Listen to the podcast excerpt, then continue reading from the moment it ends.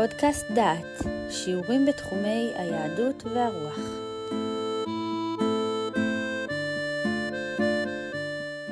שופטים, פרק י"א-י"ב, יפתח, שיעור ראשון מתוך שניים. יפתח פעל בעבר הירדן המזרחי. הוא שפט והושיע את השבטים שישבו בעבר הירדן במלחמתם במלך בני עמון, ואת השבטים ששכנו קרוב לירדן ממערבו.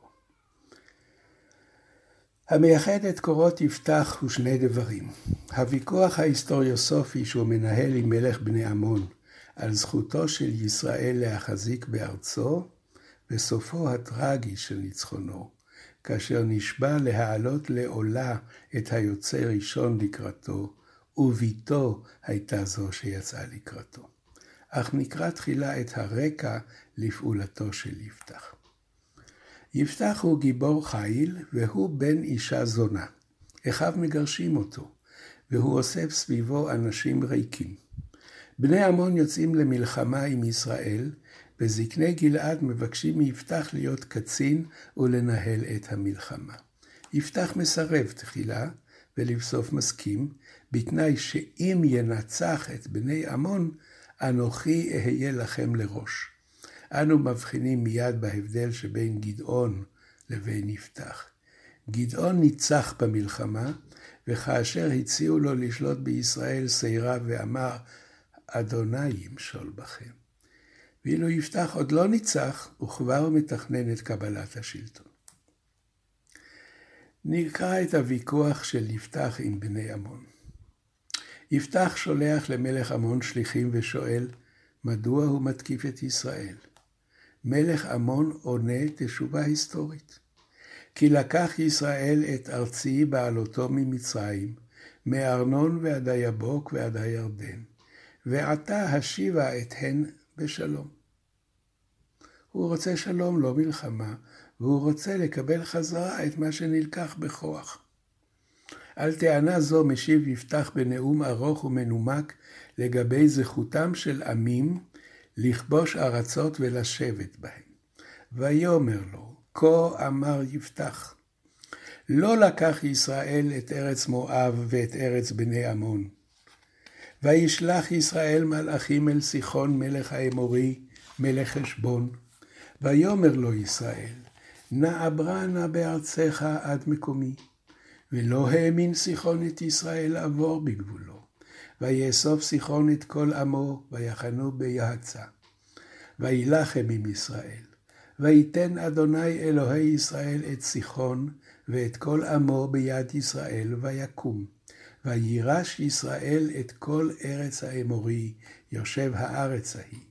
וירשו את כל גבול האמורי, מארנון ועד היבוק, ומן המדבר ועד הירדן. ועתה, אדוני אלוהי ישראל הוריש את האמורי מפני עמו ישראל, ואתה תירשנו?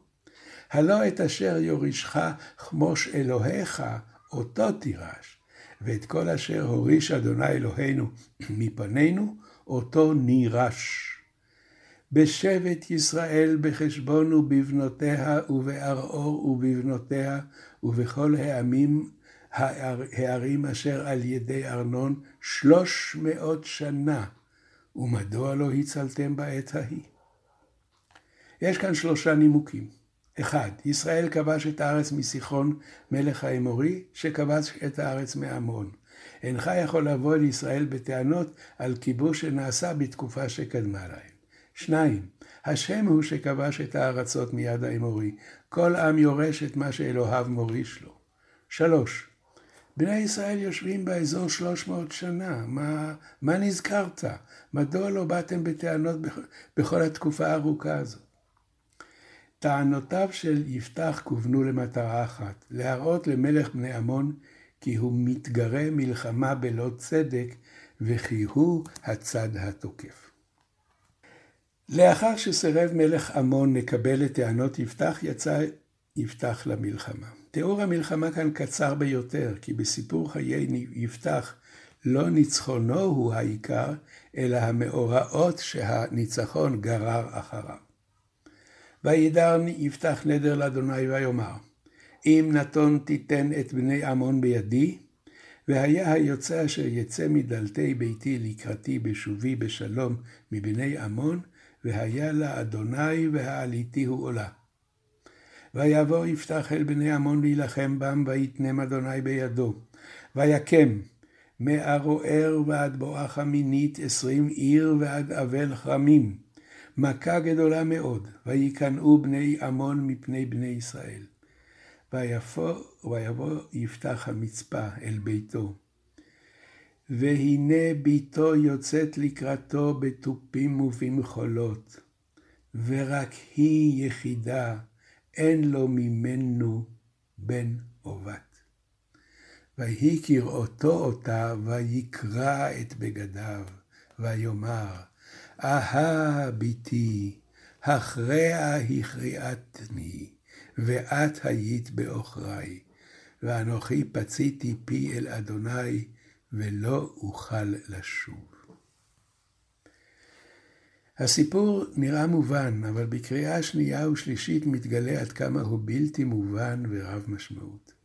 מה בדיוק נדר יפתח? אנו קוראים, והיה היוצא אשר יצא מדלתי ביתי לקראתי בשובי משלום מבני עמון, והיה לאדוני והעליתי הוא עולה. מה פשר הצירוף והיה לאדוני והעליתי הוא עולה? יהיה לאדוני וגם יעלה עולה, או שמא יהיה לאדוני או יעלה לעולה? ומה פירוש הביטוי והיה לאדוני? האם יהיה כהן או נזיר או אולי קורבן? ומה פירוש והעליתי הוא עולה? האם ביטוי זה מתייחס לאדם או לבהמה ראויה לקורבן? ואולי כוונה תפתח לומר, והיה להשם, אם אדם הוא ועליתי עולה, אם בהמה.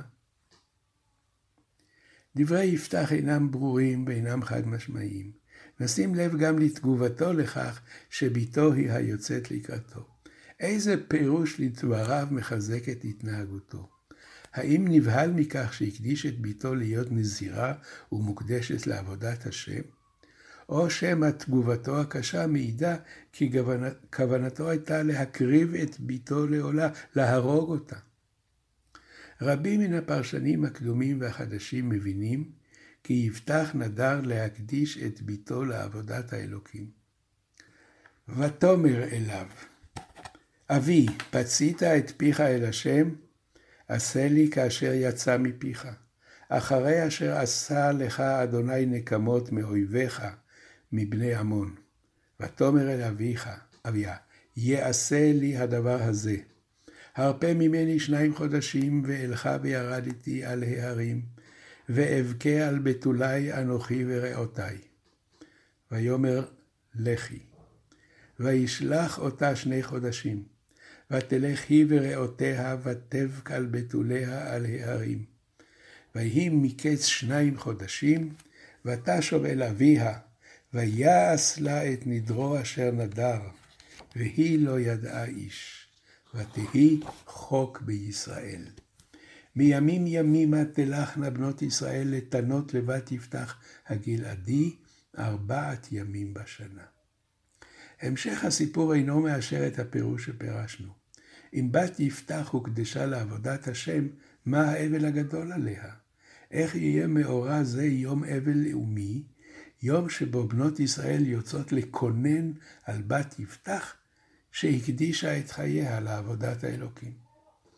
רמב"ן, הפרשן הגדול מספרד במאה ה-13, כותב, אם הדבר כן שבת יפתח הוקדשה לעבודת השם, הייתה בתו הבוכה על בתוליה וריאותיה עמה כזונות לקלס אתנן.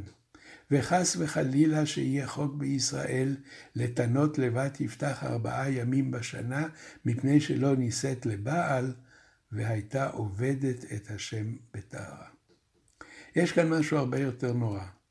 יפתח מקריב את ביתו לעולה, יפתח מקריב קורבן אדם. מאחורי הסיפור התמים והמעורפל מסתתר סיפור אימים על אב המקריב את ביתו לקורבן. ומיד נראה כי הדבר היה נורא שבעתיים, כי קורבן טעות היה הקורבן. והפסוק מסתיר את המעשה בניסוח המעורפל, ויעש לה את נדרו אשר נדר, והיא לא ידעה איש. האב קיים את נדרו, מה בדיוק עשה לה? את זאת אין הכתוב מפרט. אנו נשארים בערפל הניסוח הכפול. והיה לה השם, והעליתי הוא עולה. ואנו מבינים כי עשה את השניים. בת יפתח הייתה לה השם. כיצד? על ידי כך שהועלתה לעולה. האם ניתן היה להפר את הנדר? האם ניתן היה ללכת במסלול אחר? את זאת בשיחתנו הבאה. שמעתם שיעור מתוך הקורס בימי שפוט השופטים מאת פרופסור יהודה אייזנברג. את הקורס המלא ניתן לשמוע באתר דעת במדור פודקאסט.